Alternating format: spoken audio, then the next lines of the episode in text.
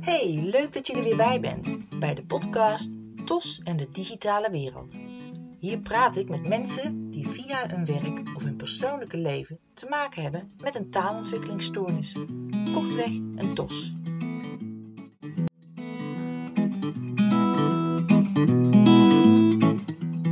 Mijn naam is Marita Teunissen van de website Digitaal Speciaal. En vandaag heb ik een gesprek met.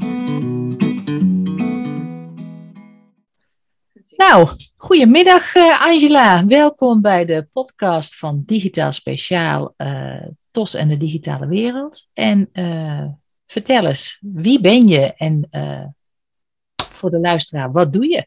Ja, nou, leuk dat ik ben uitgenodigd sowieso. Nou, mijn naam is Angela, Angela van der Weg. En ik ben orthopedagoog en TOS-begeleider. En dat doe ik inmiddels alweer een jaar of vier, vijf. En het is eigenlijk een beetje ontstaan nadat ik na mijn studie op zoek was naar werk. En uh, toen door een bekende is werd gevraagd van... joh, kan jij op mijn school, zij was IB'er ergens, um, een paar leerlingen begeleiden? En dat ben ik gaan doen.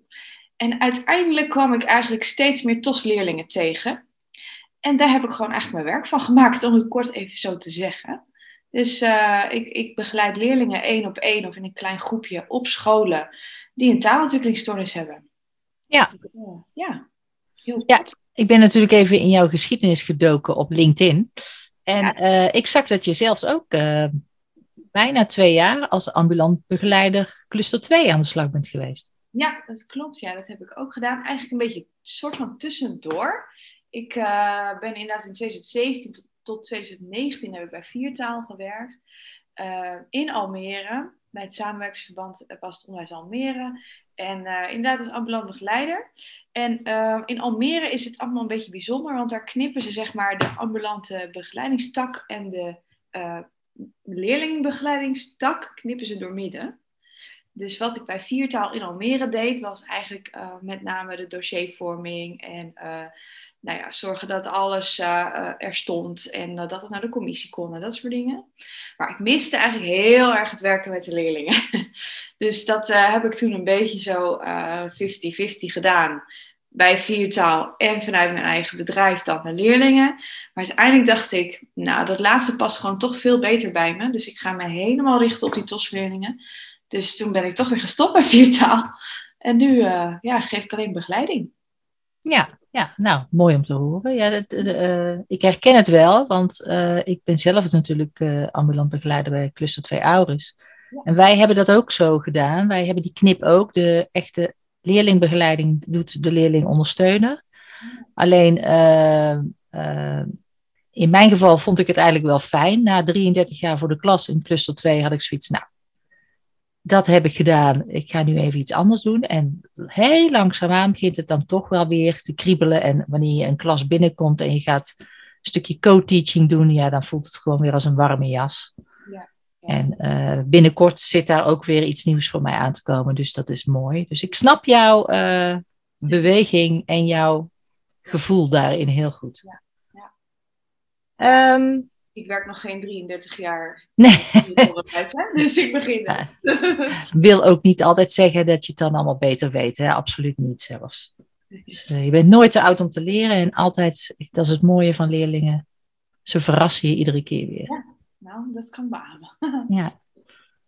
Um, ja. Zou jij eens een leuke anekdote kunnen vertellen uh, over wat jouw werk nou precies inhoudt? Jij zegt, ik begeleid leerlingen met uh, TOS. Nou, je zei net al, waar doe je dat? Jij doet het in uh, omstreeks richting Flevoland, zag ik? Ja, Almere inderdaad. Ja. En, en hoeveel leerlingen begeleid jij dan? Ik heb er nu, volgens mij, ik, ik, ik, negen uit mijn hoofd. Hm. Uh, ik doe dat drie dagen in de week. Dus uh, dan zijn je dagen ook wel gelijk vol. Want ja. ik kom twee keer in de week voor één leerling op school. En op sommige scholen heb ik dan twee of drie leerlingen. Weet je, hoe meer clusters, hoe fijner dat voor mij is. Ja. Ik rij heel meer rond, maar uh, zo doe ik dat, ja. Ja. ja. En dus het, het zijn echt alleen TOS-leerlingen die je begeleidt? Klopt, ja. eerst deed ik ook nog wel uh, leerlingen met allerlei andere gedragsvragen, eigenlijk om het zo even te zeggen. Ehm, maar ja, weet je, dat TOS, dat vind ik gewoon superleuk. dus dat is zo'n beetje eh, mijn, mijn, niche geworden. En nu komen gewoon eigenlijk veel TOS-vragen uh, bij mij. En ehm, dus doe ik nu dat alleen maar. Kan ik me helemaal daarop richten. Ja, en die TOS, die taalontwikkelingsstoornis, dat is, heeft jou echt gegrepen. Ja, weet je, het is uh, wat je net ook zei, leerlingen blijven je verrassen, maar ook TOS blijft me nog steeds verrassen. Ik leer eigenlijk gewoon iedere week nog dingen bij over TOS. En dat vind ik heel interessant, want het maakt het heel dynamisch. En ik werk met, met kinderen die, die de kleuterleeftijd hebben, maar ik werk ook met middelbare scholieren. Dus ik heb heel veel variatie in mijn werk. Dat vind ik heel erg leuk. En um, ieder kind met TOS is anders. Dus ieder kind heeft weer andere onderwijsbehoeften. En natuurlijk is er overlap en doe ik met die ook begrijpelijk lezen en met die ook. Maar toch, bij ieder kind werkt het zo anders. En ik vind het heel leuk om uh, echt op zoek te gaan naar wat werkt er nou echt voor dit kind. Dus uh, ja, ja. leuk. Ja, want binnen, een TOS, ja, binnen de range TOS-leerlingen is natuurlijk heel veel diversiteit. Ja, ja, ik uh, werk inderdaad met kinderen aan. Uh, nou ja, weet je, ik ben geen logopedist, dus ik richt me wel echt op de, ja, hoe zeg je dat, schooldoelen, mm-hmm. de, de, onderwijsdoelen.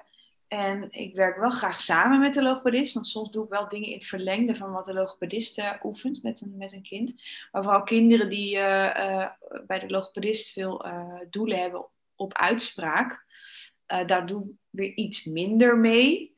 Maar die, die oefening herhaal ik bijvoorbeeld wel.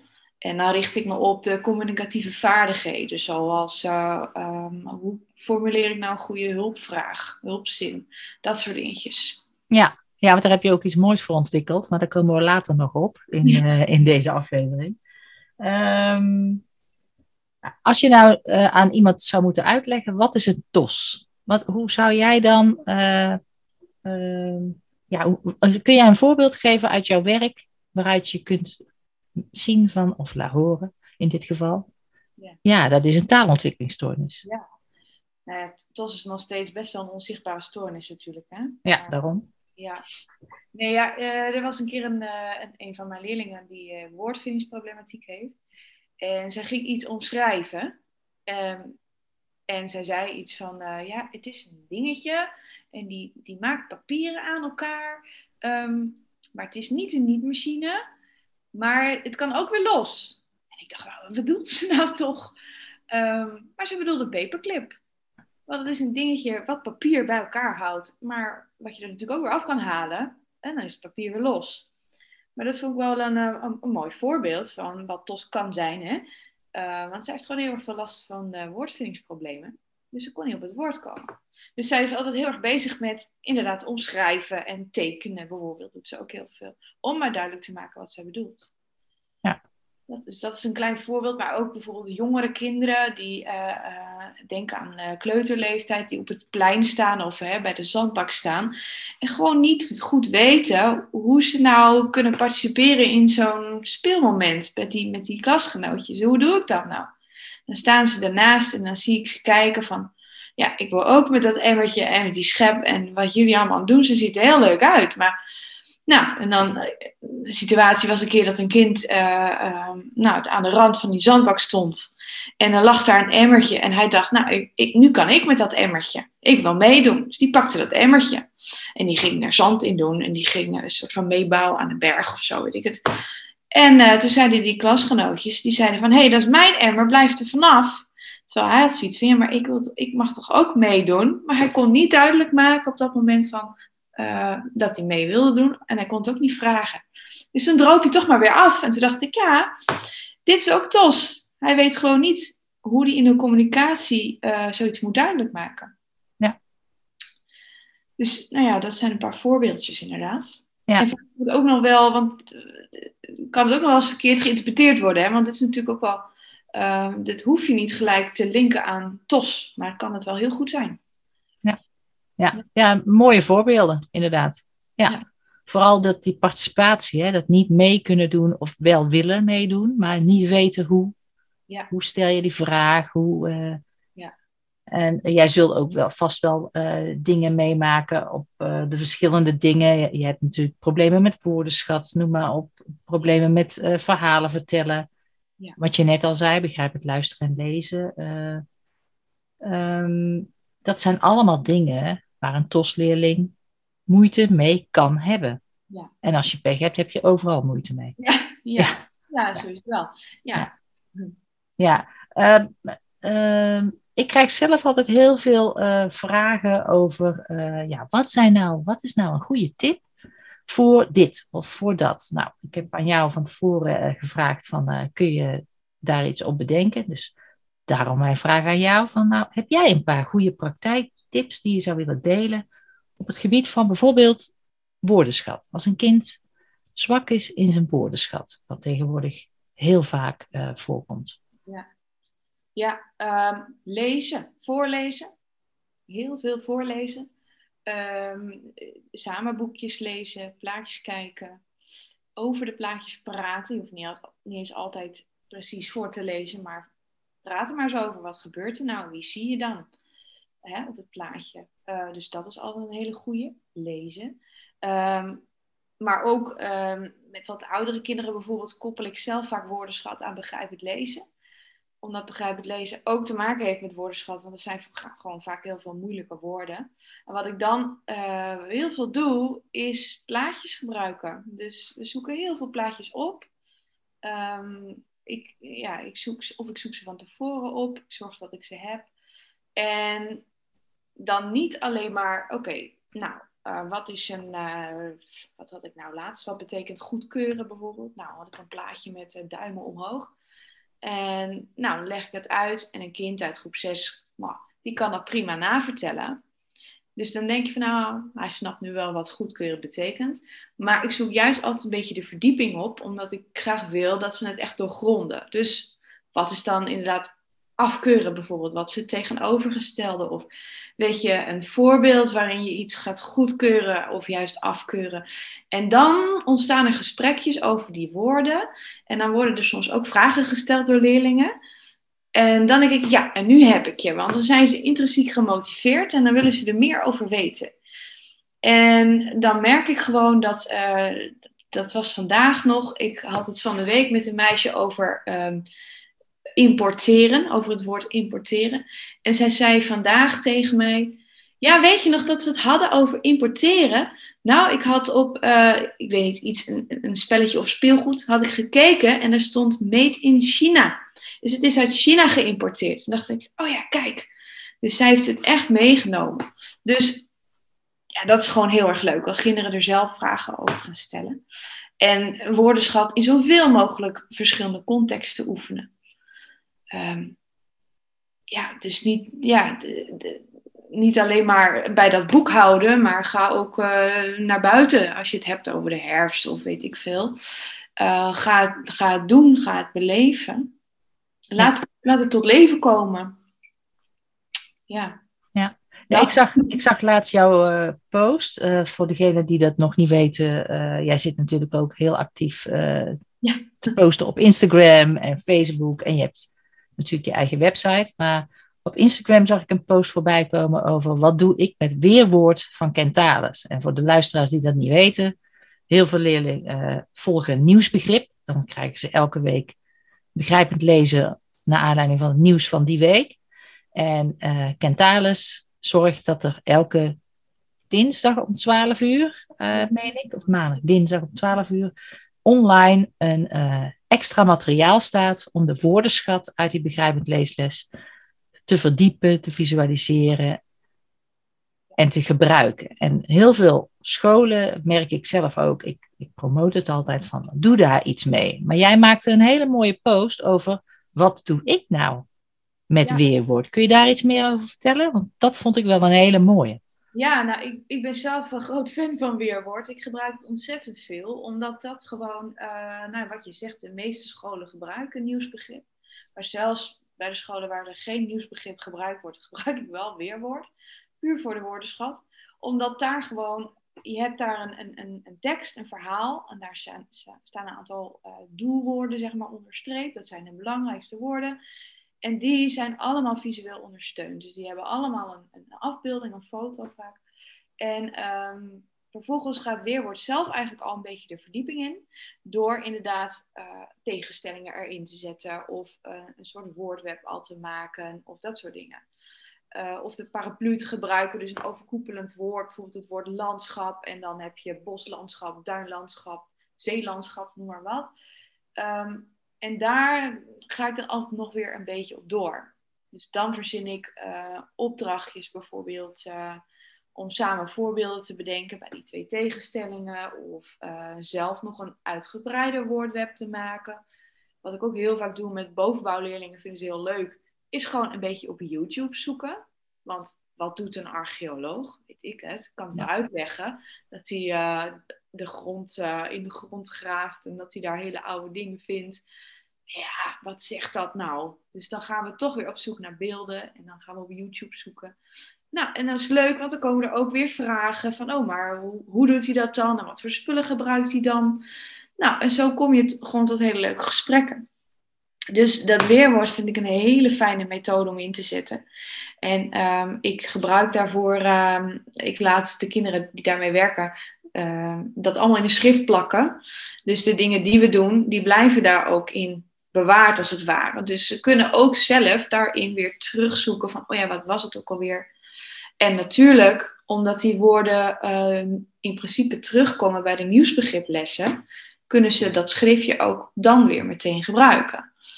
Dus ik hoop dat het op die manier op zoveel mogelijk momenten terugkomt en dat het blijft hangen. Ja, ja, het, het, mooie van dit, uh, wat jij nu schetst, hè, hoe je dat doet, uh, daarom viel mij die post ook meteen op. Uh, je, gaat, je, je zendt het niet alleen, maar je laat de leerling het vervolgens op dezelfde manier nog een keer extra verwerken. Ja. En dat mis ik nog heel vaak uh, wanneer mensen zeggen, ja, ik gebruik weerwoord. Ja. Maar dan blijven ze het zenden. Maar het is juist die, die verdieping daarna van, oké, okay, en nu jij. Ja. ja, en het is wel eens, het stuit ook wel eens een beetje op onbegrip. Want zo'n weerwoordles, daar zitten wel eens, weet ik veel, tien begrippen in of zo. Maar ik werk uh, 35, 40 minuten met een leerling, is al best lang. En dat doe ik dan twee keer in de week. Um, maar er is gewoon niet altijd tijd om al die tien begrippen zo diep zeg maar, te bespreken of helemaal uit te zoeken. Dus dan is het wel zo, ja, maar je hebt maar vier begrippen uh, uh, met, met mijn leerling gedaan. Dan zeg ik, ja, maar hij kent ze nu wel en hij snapt nu wat het is. En hij kan het je ook vertellen. Vraag het hem maar. Ja dan heb ik dat liever, dat die vier begrippen helemaal in het systeem van het kind komen, dan dat ze tien begrippen misschien een week lang misschien even kunnen opdreunen, maar dat het dan weer vervaagt. Want dat is inderdaad alleen maar het uitleggen en als de kinderen alleen maar aanhoren, ja, die verwerking is natuurlijk bij kinderen met een taalontwikkelingsstoornis, ja, dat is voor hun echt een mega uitdaging om dat alleen maar aan te horen en het dan te gaan onthouden. Ja. Ik wil heel graag dat ze er zelf iets mee gaan doen, want dan ja, slaat het beter op. Ja, ze moeten het eigen maken. Hè? Ja. En dat doe je alleen maar door het zelf ook te doen. Ja, is ook. Ja. ja. Heb je uh, uh, ten aanzien van verhaalopbouw ook zo'n mooi voorbeeld waar, wat je heel vaak inzet?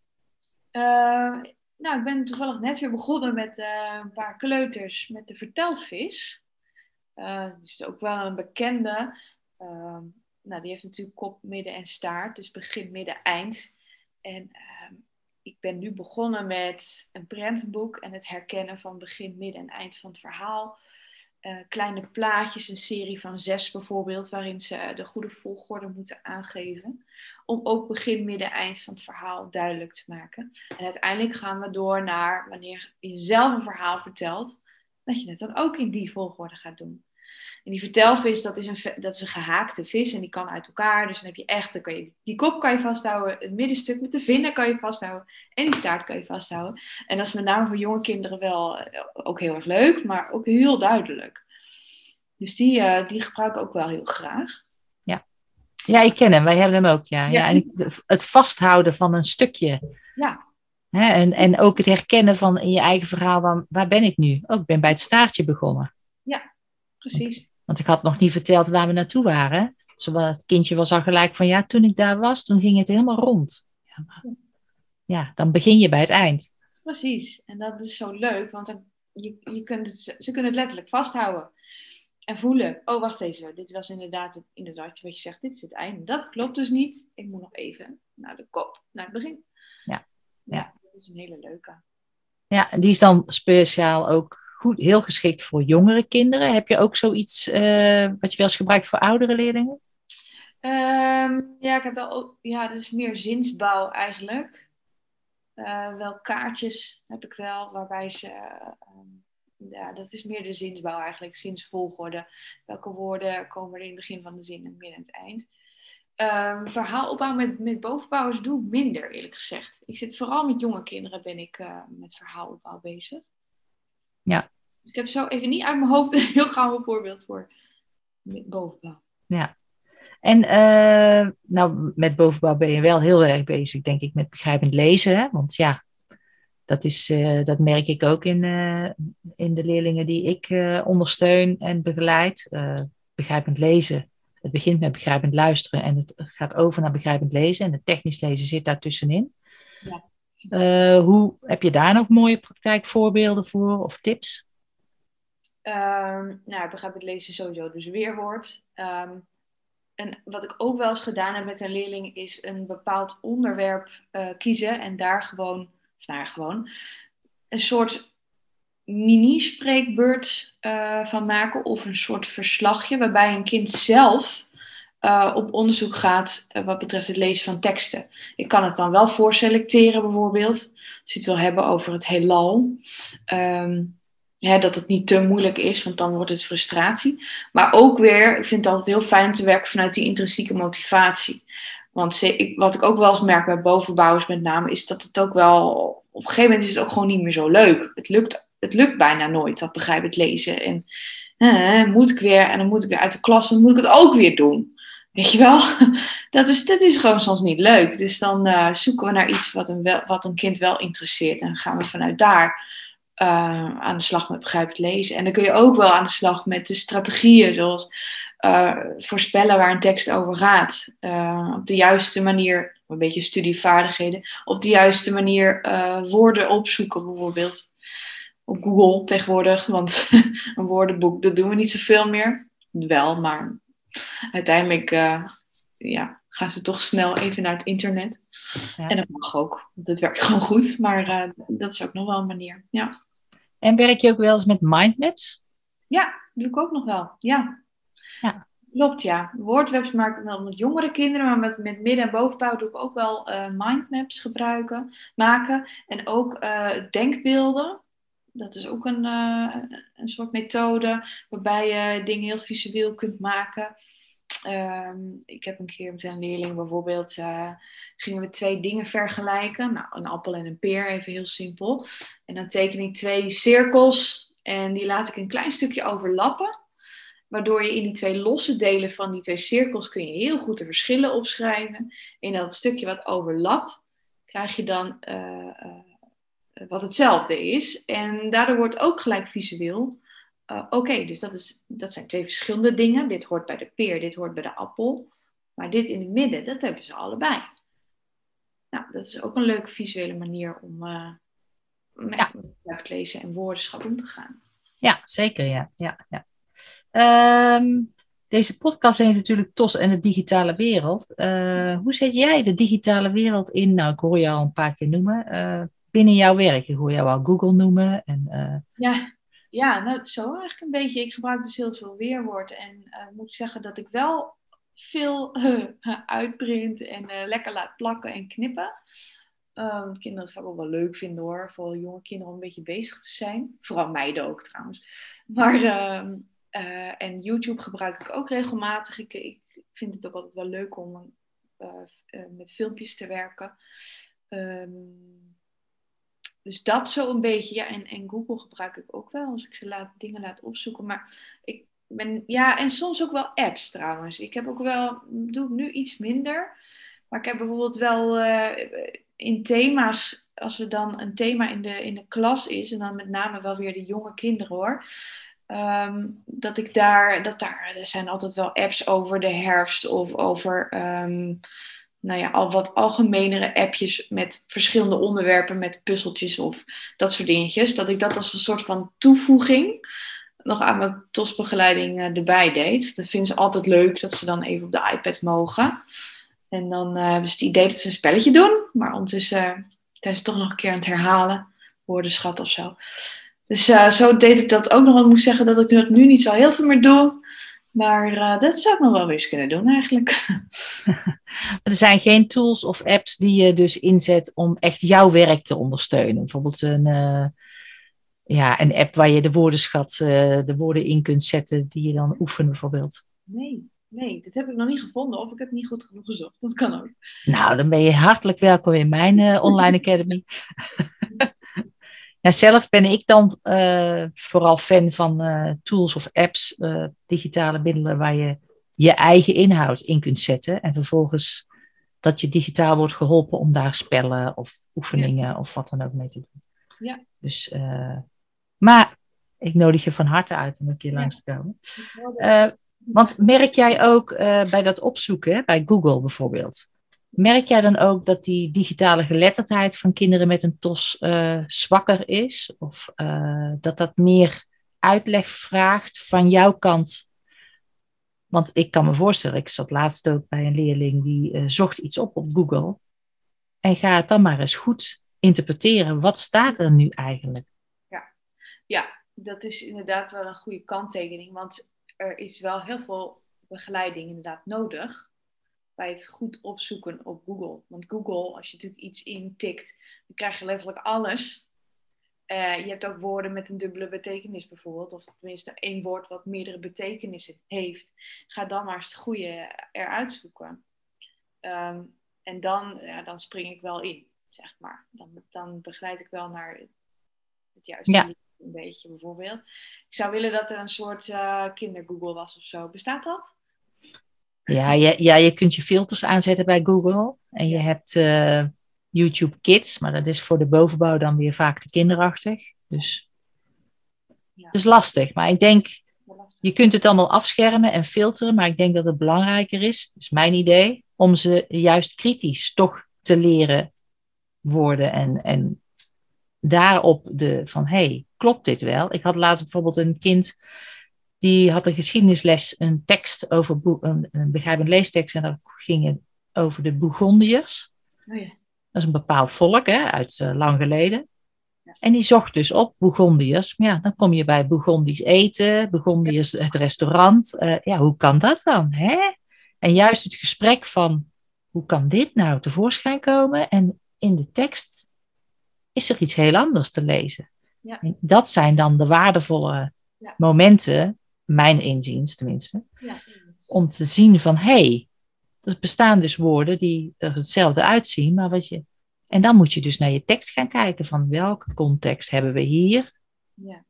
Dus ja, daar zitten wel heel veel mooie momenten in, denk ik. Ja, ja en dat is inderdaad met name wel geschikt voor groep 7, 8. En ook ja. middelbare scholieren doet dat ook. Ja. Uh, op die manier. Um, maar ik merk ook wel eens dat het dat Google overweldigend kan zijn. En dan uh, gewoon dat je denkt, oh, waar moet ik dan beginnen? Welke, welke linkje moet ik nu gaan aanklikken? En als je daar dan bent, uh, hey, je klikt iets aan. Dan kan het ook zijn dat je op een of andere wetenschappelijke website komt met heel moeilijke taal. Ja, jeetje, nou, dat is, uh, nou laat maar. Hè? Dat is natuurlijk ook wel wat er veel gebeurt. Dus dat, dat is soms best nog wel een uitdaging, ja. Ja, ja, ik denk dat daar ook wel uh, heel nog wat kansen liggen om uh, aan te pakken. Want daar zitten inderdaad ook valkuilen en gevaren in. Ja. Um, een vast onderdeel van deze podcast-show, als je het zo mag noemen, is het jargonwoord. Echt zo'n woord wat je heel vaak tegenkomt en waar uh, ouders of soms ook gewoon mensen uit het veld, uit de praktijk denken van, ja, wat, wat was dat ook alweer? Of in godsnaam, leg me uit wat het is. Nou, ik had zelf de communicatieve redzaamheid bedacht. Jij had hem uh, daar straks al heel even aangestipt. Uh, en ik had aan jou gevraagd of jij ook nog een jargonwoord had. Maar als eerste, die communicatieve redzaamheid. Jij zei het al straks een beetje. Wat versta jij nou onder communicatieve redzaamheid? Ja, communicatieve redzaamheid is, is eigenlijk het je kunnen redden op communicatief gebied. Dus spreken, maar ook begrijpen. in sociale situaties. Dus, en dat is heel breed. Dus dat kan inderdaad die situatie op het schoolplein zijn van hoe vraag ik of ik mee mag doen. Maar het kan ook zijn eh, dat je in de supermarkt staat en je kan iets niet vinden en je wil vragen uh, aan de medewerker waar het ligt. Ik noem maar wat. Dus eigenlijk alle situaties, sociale situaties waarin je communicatie nodig hebt, je dan kunnen redden. Ja. Nou, dat is natuurlijk vrij algemeen, maar dat kan inderdaad hulpvragen zijn. Het kan vragen of je mee mag doen, maar het kan ook vragen of een ander met jou mee wil doen. Het kan uh, zijn, uh, zullen we iets samen delen? Uh, het kan ook zijn, het, juist het aangeven van ik wil iets niet. Hè, ik vind het niet prettig, of zullen we dat een andere keer doen, of dat soort dingen. Dus het is heel erg breed, maar wel een heel belangrijk onderdeel van TOS. Ja. Ja, ook dat kleine wat je net zei, dat onderhandelen. Hè? Van ja, maar ik wil dit nu en hij wil dat. Ja. Hoe kom je dan tot een compromis zonder ruzie te krijgen? Ja. ja. Dat is al super moeilijk. Dat is überhaupt moeilijk, ja. Laat staan, eh, kijk maar naar de mensen om ons heen tegenwoordig over de coronacrisis. Dat is... Ja, ja. Ja, en het is inderdaad, het is al één ding om te kunnen zeggen, ik vind het niet leuk of ik vind het juist wel leuk. Um, maar als je dan twee verschillende meningen hebt, om er dan ook nog eens inderdaad uit te komen, dat is nog, nog een brugje verder. Um, maar dat, is, dat gaat inderdaad echt over communicatieve redzaamheid. En um, als, je een, als je een kind hebt wat daar dus op dat moment niet uitkomt, dan is die inderdaad op dat vlak niet communicatief redzaam genoeg, zeggen we dan. Het moeilijk woord inderdaad. Maar dan, dan komt hij er niet uit en dan heeft hij uh, toch hulp nodig. Ja. ja. En dan zie je het woord pragmatiek ook heel vaak. Hè? En pragmatiek zit daar eigenlijk een tegen. Ja. Het wordt vaak door elkaar gebruikt. Het is officieel niet precies hetzelfde. Nee, pragmatiek gaat volgens mij meer over echt de, de taal die je gebruikt dan. Ja. In communicatie. Maar het, het heeft alles met elkaar te maken natuurlijk. Ja, ja, ja. Ja, want je hebt ook het, het, het aankijken. Verhaalopbouw kan ook onder pragmatiek vallen. Maar ook bijvoorbeeld wanneer, hoe praat ik tegen de directeur en hoe praat ik tegen mijn oma en hoe praat ik tegen een vriendje op het speelplein. Ja, dat is ook een stukje, in mijn ogen, een stukje pragmatiek. Maar als er een luisteraar is die mij kan verbeteren, dan hoor ik het graag. Dus ook inderdaad het, stukje afstemmen op je, op je uh, zeg je dat, gesprekspartner. Wat, wie is mijn gesprekspartner? Wat is bijvoorbeeld zijn voorkennis? En uh, uh, hoe spreek ik dan iemand aan, inderdaad? Ja. Heel simpel, wanneer zeg ik u, wanneer zeg ik je? Dat soort dingen. Ja. Had je zelf nog een uh, ander een uh, jargonwoord? Um, nou, er zijn natuurlijk ontzettend veel jargonwoorden. en, uh, maar bijvoorbeeld het woord fonologie vroeg een ouder laatst van wat is dit nou weer? Um, nou, dat, is, dat, is, dat gaat over de klanken, over de klankstructuur van woorden. En over het kunnen herkennen van klanken. Dus bijvoorbeeld ook kunnen rijmen of de beginklank kunnen herkennen het hakken en het plakken, hè, dus uh, tak, t, ak, dat kunnen doen. En het kunnen horen. Dus dat is uh, in de notendop van logie.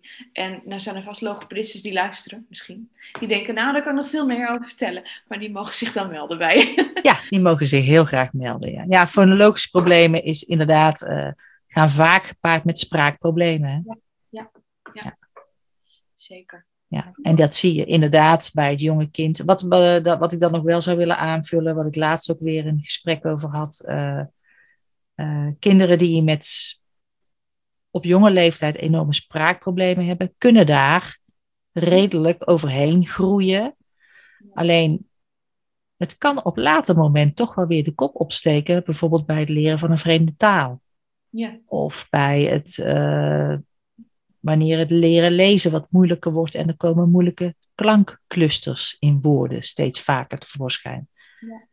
En vaak komt het dan voor degene die dan op dat moment leerkracht is van die leerling, komt het dan als donderslag bij heldere hemel, terwijl dat wel terug te relateren zou kunnen zijn aan die fonologische problemen die hij had toen hij jong was.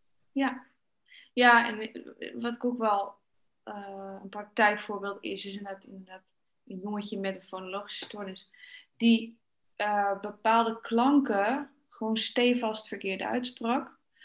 Een soort van uh, ja, klankverkleuringen die niet helemaal lekker gingen. Nou ja, hij heeft een fonoloog gestoord, dus daar kon hij niks aan doen.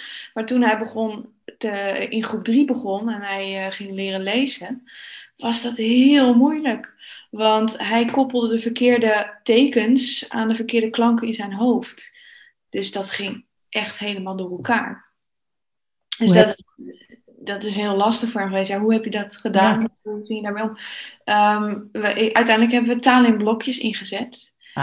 En um, om, om er een visueel beeld aan te geven. En die kleuren die werkten heel goed voor hem.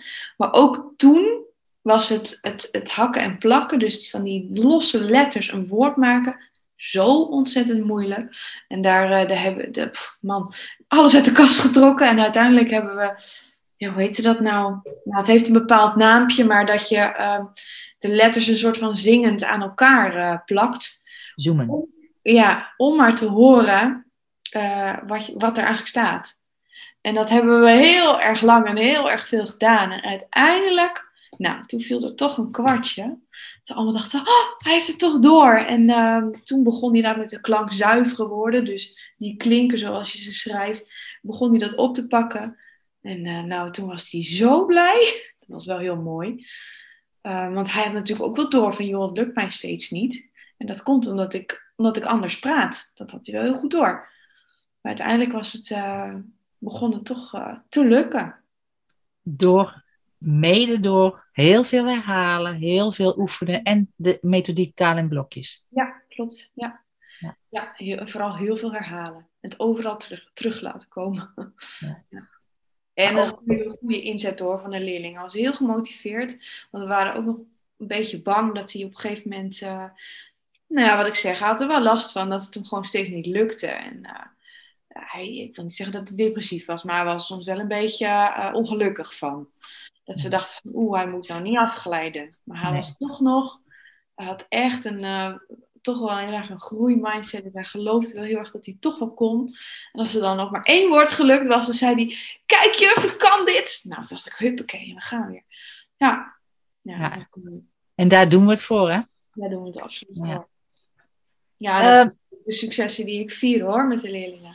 Ja, dat geloof ik meteen, ja. ja. Uh, je hebt meerdere dingen de laatste tijd gedaan. En een van die dingen is een helperskaart gemaakt samen met Pien van der Most. Kun je daar iets over vertellen? Ja, ja dat was een uh, super spontane actie die uiteindelijk heel groot is geworden. Of tenminste, waar wij best een aardig werk in hebben gestopt. Dat is namelijk de helperskaart TOS. En nou ja, Pien die zet zich natuurlijk in voor ondersteunen en tekenen bij TOS. En we hebben dat eigenlijk, we onze praktijkervaring gecombineerd met, met, onze kennis en uh, Pien met haar tekenen. En uiteindelijk hebben we daar een helperskaart van gemaakt. En die helperskaart zijn eigenlijk voor het PO en het VO zijn een aantal dingen die je kunt inzetten bij een leerling met een taalontwikkelingsstoornis um, om beter om hulp te vragen. Dus wat helpt nou voor jouw leerling met een taalontwikkelingsstoornis om beter om hulp te vragen? En dan gaat het niet alleen om het resultaat, maar juist ook om dat gesprek voeren met die leerling. Want wij kunnen wel allemaal heel leuk als professionals denken van, nou ja, weet je, zo'n uh, zo'n vraagblokje op de tafel in de klas met een vraagteken en een rood en groen, dat werkt wel voldoende. Maar misschien heeft een kind wel uh, meer nodig en heeft hij nodig dat je na de uitleg structureel eventjes bij hem langskomt. Of dat, hij, uh, uh, dat er meer visuele ondersteuning komt. Dus daar hebben we, uh, we, hebben, hadden honderden voorbeelden, maar we hebben een selectie gemaakt. En we hebben dat verwerkt tot kleine kaartjes. En die kaartjes zijn uiteraard visueel ondersteund met de tekeningetjes van Pien. En zo kun je eigenlijk met die kaartjes heel leuk in gesprek met de leerling zelf. Van oké, maar wat past nou bij jou? Wat werkt er nou voor jou? En waarom? En die kun je allemaal, je kunt er, uh, ja, je, je kan er doen wat je wil. Je kan ze ook groot opplakken op posters. Maar uh, wat wij hadden bedacht is dat je er uiteindelijk vier uitkiest en die op een kaartje plakt. En die als leidraad gebruikt van oké, maar voor deze uh, leerling is het fijn als. En dan naar gelang wat de leerling zelf prettig vindt, daarop verzamelen. Dus dat. De TOS. Ja. Ja, dus je gaat samen met de leerling kijken, wat zijn jouw, eh, wat zijn jouw hulpvragen? Ja. Wat heb jij nodig? ja, En dat verzamel je max vier dingen op een kaart. En die kaart kan zo'n leerling gebruiken om te laten zien aan zijn leerkracht of Ja. aan zijn eh, voetbaltrainer. Of...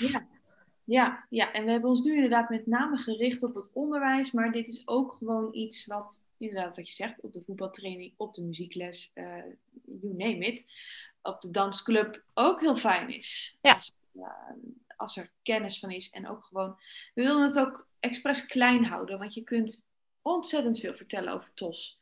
En je kan eh, uitleggen aan iedereen die met het kind met, met een taalontwikkelingsstoornis werkt, of te maken heeft wat het allemaal inhoudt. Maar dat vervaagt vaak weer. En juist die, die kleine dingen, zoals even samenvatten nadat je een lange uitleg hebt gegeven, of even terugvragen, heeft een leerling het begrepen, of toch even visueel ondersteunen, zijn net die dingen die het iets makkelijker maken voor een kind met TOS. En daar wilden we naartoe, dus dat het heel praktisch inzetbaar is ook. En hoe komen de luisteraars bij jouw helperskaart? Via mijn website, cisoalmere.nl of via de website van PIN, tekenen bij tos.nl. En daar kun je hem downloaden en dan eh, kun je ermee aan de slag. En Hij is nu nog gratis, we houden hem nog even gratis. Hij is nog gratis beschikbaar tot het einde van het jaar. Volgend jaar dan eh, gaan we hem denk ik updaten, upgraden. En dan eh, maken we er iets, nog iets mooiers van, nog iets uitgebreider. En dan wordt hij wel betaald. en die losse kaartjes zitten daar ook bij, bij die gratis download. Ja, dat kun je gewoon eh, uitprinten en dan eh, lamineren, knippen en gebruiken. Mooi. Ehm, als laatste, want we kunnen hier nog wel een uur zitten, maar wil jij nog als laatste vragen, want jij zit nu heel gezellig bij mij in de podcast, maar jij hebt sinds kort zelf ook een podcast. Vertel, waarom? Waar, hoezo? Eh, wat wil je? Wat is jouw droombeeld daarvoor? Dat is een mooie vraag. nou, ik ben eigenlijk al een tijdje terug, en dan heb ik het echt over een jaar of anderhalf jaar geleden al begonnen met een podcast. Ehm, maar ik heb dat nooit echt eh, op, op, op wekelijkse basis, maandelijkse basis, heb ik dat niet echt vormgegeven. Maar nou ja, ik vind het heel leuk om te vertellen. Ik vind het heel erg leuk om kennis over te dragen. en de, de ervaringen die ik heb in de praktijk en de kennis die ik op heb gedaan, maar ook die ik nog steeds opdoe, wil ik heel graag delen met andere professionals. En ehm, ik vind het leuk om een podcast te maken. De Toscast heb ik hem genoemd. En ik wil eigenlijk eh, steeds meer daarop delen over verschillende onderwerpen die met TOS te maken hebben. Ik heb het laatst gehad over visuele ondersteuning. Nou, dat vind ik een heel belangrijk onderwerp. Hoor je mij ook steeds weer zeggen. Ehm, nou, en dan heb ik gewoon ontzettend veel voorbeelden. Dat ik denk van ja, maar dat is heel fijn. als een andere, een andere leerkracht, een andere logopedist of wie dan ook, dat ook weet. Dus ik vertel en ik hoop mensen te inspireren. En ik hoop dat ze ideeën opdoen. Zodat we de wereld, voor, de wereld wat mak- makkelijker kunnen maken voor kinderen met een taalontwikkelingsstoornis. Want dat is mijn doel. TOS op de kaart zetten. eh, ja, dat is toch wel het belangrijkste. En ik hoop gewoon dat ik met mijn TOScast, met mijn, mijn podcastje, die nog heel klein is, daar wel aan te kunnen bijdragen. Nou, dat hoop ik helemaal. En ik denk dat het we heel, met z'n allen heel goed bezig zijn. Jij, Pien, eh, nou, meerdere schrijvers, eh, ik zelf ook. Om TOS op de kaart te krijgen. Zeker. En ik denk dat dat een hele mooie, mooie missie is van ons allemaal. Ja. En een hele belangrijke, inderdaad. Ja, Eh, ja het, is echt, het is echt nodig. Ja, Ja. ja want zoals jij ook al vaker hebt gemeld, 5 tot 7 procent van de leerlingen hebben een taalontwikkelingsstoornis. Dat is omgerekend minimaal eentje per klas. Ja. Nou, misschien wel meer, hè? Vaak twee, ja. En ik, het is ook echt, als ik op scholen kom, ik kom op veel scholen, dat ik dan, het is een school van, eh, weet ik het wat, 300, 400 leerlingen. En dan kom ik dan wel geteld twee TOS-leerlingen begeleiden. En denk ik, hoe kan dit? Ja. Waar zijn al die andere verstopte TOS-leerlingen? Dus daar, eh, iedere keer weer, denk ik, oké, die kennis over TOS moet echt verspreid worden. Want eh, het is gewoon nog te onzichtbaar. Ja. Dus, Ja, helemaal mee eens. En, ja, en, en de Ja. diversiteit werkt natuurlijk ook niet mee, want er zijn zoveel verschillende uitingen, uitingsvormen. ja, dat is moeilijk herkenbaar nog. Hey Angela, ik eh, bedank jou voor dit gesprek. En ik hoop dat de luisteraars uh, ook geïnspireerd zijn. Ik in ieder geval wel. En ik ga zometeen direct de helperskaart. ik had hem al gedownload, maar even kijken of ik het nou nog goed heb opgeslagen. En ik denk dat ik hem gewoon ga printen en lamineren. Ja. Je hebt, me, je hebt me geïnspireerd om hem om te gaan gebruiken. Nou goed zo, mooi. Nou ben ik ook wel benieuwd als je hem gaat gebruiken, hoe die zeg maar bevalt in de praktijk. Wat je ervan vindt, of hij aanslaat, of dat je denkt, oh ik mis dit nog. Of... Weet je, feedback uit de praktijk is ook heel fijn. Dus laat het maar weten. Ik laat het je weten. Nou, nogmaals bedankt. Graag gedaan. En uh, tot ziens online, denk ik, of misschien op een volgend TOS-congres. Ja, 11 februari? Ja, ja, zeker. 11 februari, hè? In ieder geval tot ziens. Bedankt. Dit was alweer het einde van deze aflevering van de podcast TOS en de digitale wereld. Bedankt voor het luisteren. Je kunt je abonneren op deze podcast via een van mijn social media kanalen of via mijn website Digitaal Speciaal. Tot de volgende podcast.